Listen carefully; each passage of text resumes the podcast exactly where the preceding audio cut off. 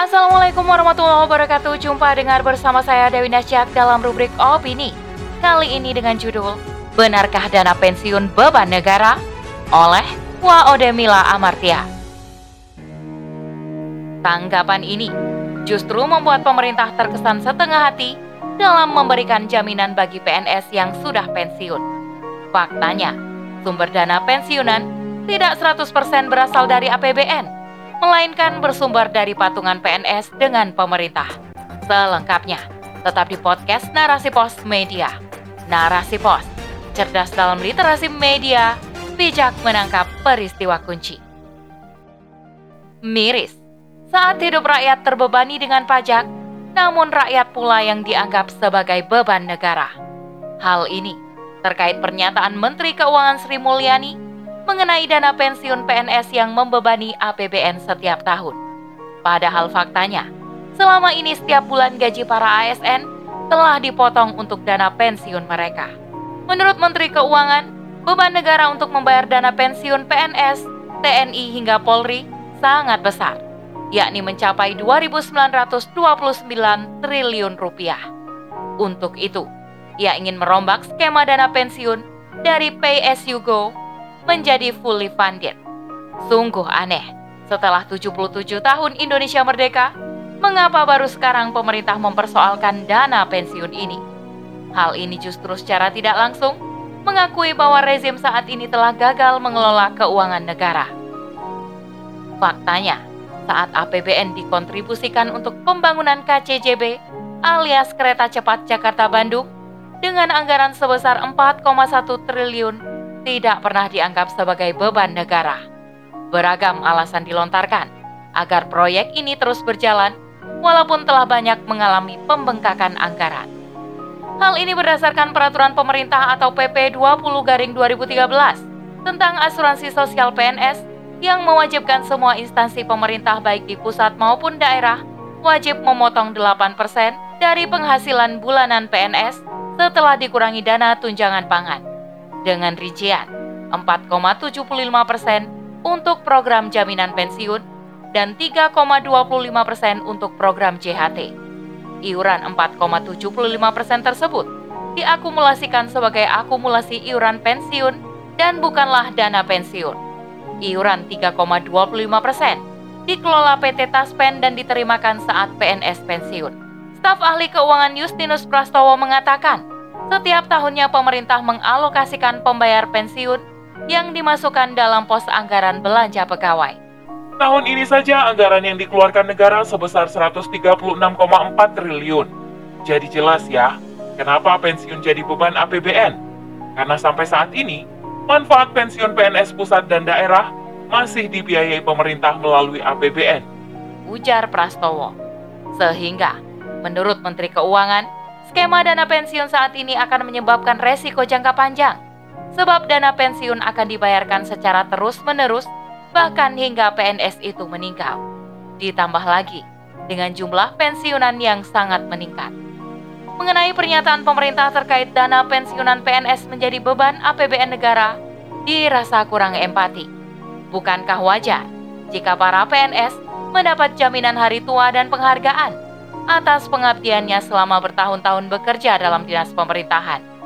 Tanggapan ini justru membuat pemerintah terkesan setengah hati dalam memberikan jaminan bagi PNS yang sudah pensiun.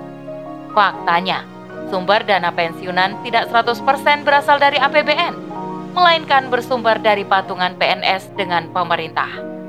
Ternyata, skema fully funded ini tidak jauh berbeda dengan skema you go. Bedanya, Potongan untuk pembayaran iuran pensiun dengan skema ini diambil dari pendapatan penuh yang dibawa pulang alias take home pay atau THP. Sedangkan skema pay as you go diambil dari gaji pokok saja. THP ini berbeda dengan gaji pokok. THP adalah gaji dan berbagai tunjangan yang diterima PNS setiap bulan. Pemerintah memastikan dengan skema baru ini fully funded PNS dapat menerima uang pensiun dengan nominal yang lebih besar. Bahkan bisa mencapai 1 miliar rupiah. Akankah reformasi skema dana pensiun PNS ini menjadi solusi jitu? Dalam menanggapi hal ini, masyarakat harus jeli dalam memahami akibat buruk dari sistem ekonomi kapitalisme. Sistem ekonomi usang inilah penyebab negara selalu perhitungan meski terhadap rakyatnya sendiri. Sehingga rakyat harus memahami maksud narasi dari pemerintah terkait perubahan skema penyaluran dana pensiun ini. Pertama, pemerintah seakan tidak menyadari bahwa dana pensiunan yang mereka nikmati berasal dari APBN juga. Faktanya, para petinggi negara seperti menteri, DPR, DPD dinilai layak disebut sebagai beban rakyat. Gaji tinggi, fasilitas mewah, serta banyaknya tunjangan yang mereka nikmati berasal dari APBN yang bersumber dari pajak.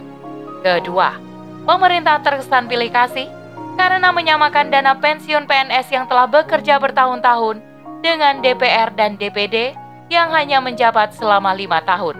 Pasalnya, pensiunan anggota DPR dan DPD digaji seumur hidup. Hal ini diatur dalam Undang-Undang Nomor 12 Tahun 1980. Padahal, jika kita lihat dari besaran gaji yang diterima, sangat jauh berbeda. PNS menerima gaji yang tidak sesuai ekspektasi, sedangkan anggota dewan mendapat gaji yang tinggi, lengkap dengan fasilitas dan aneka tunjangan yang menggiurkan. Ketiga, perubahan skema penyaluran dana pensiun baik melalui PSUGO maupun fully funded sama-sama menggunakan prinsip patungan, yakni antara PNS dan negara. Menyatakan dana pensiun beban, namun tanpa beban menarik aneka iuran dan pajak kepada rakyat. Negara seolah-olah tidak mau menanggung penuh pembayaran dana pensiun ini dan ingin berlepas tangan untuk menjamin kesejahteraan hari tua para abdi negara. Keempat, beban negara yang sesungguhnya saat ini adalah utang dan bunganya. Sungguh ironis, pemerintah sepertinya kebingungan mencari sumber pendapatan untuk kas negara di tengah negeri yang kaya akan SDA-nya. Islam memiliki mekanisme untuk mengatur kepegawaian dalam institusi negara bernama khilafah.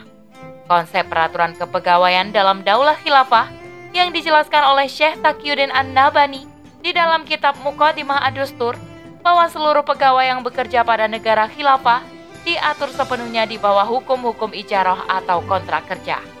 Mereka mendapatkan perlakuan adil sejalan dengan hukum syariah. Hak-hak mereka sebagai pegawai, baik pegawai biasa maupun direktur, dilindungi oleh khilafah. Para pegawai bekerja sesuai bidang masing-masing dan selalu diperhatikan hak dan kewajiban mereka sebagai pegawai negara maupun sebagai rakyat. Artinya, pegawai potongan khilafah mendapat gaji dan jaminan sesuai yang ditentukan oleh hukum syariat. Tidak akan ada potongan gaji bagi para pegawai negara. Gaji mereka tentu lebih dari cukup karena untuk kebutuhan dasar publik seperti kesehatan dan keamanan akan dijamin oleh negara. Adapun standar gaji di negara khilafah akan dihitung berdasarkan kelayakan standar hidup wilayah tempat tinggal mereka. Gaji tersebut akan dipastikan cukup untuk memenuhi kebutuhan pokok seperti sandang, pangan, dan papan tiap-tiap individu ataupun keluarga. Khalifah Umar bin Khattab memberikan teladan yang baik dalam mengatur gaji pegawai. Dalam buku fikih ekonomi Umar bin Khattab, karya Jaribah bin Ahmad Al-Haritsi, dijelaskan gaji pegawai negeri diberikan dengan jumlah tidak kurang dari batas kecukupan. Artinya, gaji tersebut secara ma'ruf memenuhi kebutuhan pokoknya. Dengan konsep ini, Khalifah Umar bin Khattab mampu memberi gaji guru di Madinah sebesar 15 dinar. Jika dikonversikan ke dalam rupiah, satu dinarnya 4,25 gram emas. Satu gram emasnya dengan satu gram emas 24 karat senilai 975 ribu rupiah maka total gaji yang akan didapatkan para guru anak-anak sebesar Rp61.156.250. Bayangkan, berapa gaji karyawan negara lainnya? Pada era khilafah, seorang khalifah mengerti betul akan tanggung jawab yang diembannya. Mereka memiliki rasa takut kepada Allah Subhanahu wa taala karena kelak kepemimpinannya akan dimintai pertanggungjawaban. Rasulullah Shallallahu Alaihi Wasallam bersabda, setiap orang adalah pemimpin dan akan dimintai pertanggungjawaban atas kepemimpinannya. Hadis riwayat Bukhari dan Muslim. Syekh Taqiyuddin An-Nabani seorang mujtahid besar menjelaskan mengenai mekanisme sistem ekonomi Islam melalui kitab yang berjudul Nizamul Iktisadiyah bahwa Baitul Mal adalah lembaga keuangan khilafah yang memiliki tiga pos pemasukan, pos kepemilikan negara, pos kepemilikan umum, dan pos zakat. Adapun untuk menggaji para tentara, pegawai negara, hakim dan pihak-pihak yang sudah memberikan jasa kepada negara bersumber dari pos kepemilikan negara. Pos ini bersumber dari khoroj, fai, usyur, jizyah, doribah, dan sebagainya. Sedangkan sebagai rakyat, khilafah akan melayani dan memperlakukan mereka hingga apa yang menjadi hak mereka terpenuhi. Baik itu pegawai negara maupun rakyat biasa, berhak mendapatkan jaminan layanan publik seperti kesehatan, pendidikan, keamanan secara gratis. Jaminan ini langsung dibiayai oleh pos kepemilikan umum Baitul Mal yang bersumber dari pengelolaan sumber daya alam atau SDA. Berdasarkan penjelasan ini, dapat dipastikan para pegawai khilafah tidak akan pusing terkait nasib mereka di masa tuanya. Tidak seperti ekonomi kapitalis yang diterapkan rezim saat ini. Wallahu a'lam bishawab. Demikian rubrik opini kali ini. Sampai bertemu di rubrik opini selanjutnya. Saya Dewi Nasya kundur diri. Assalamualaikum warahmatullahi wabarakatuh.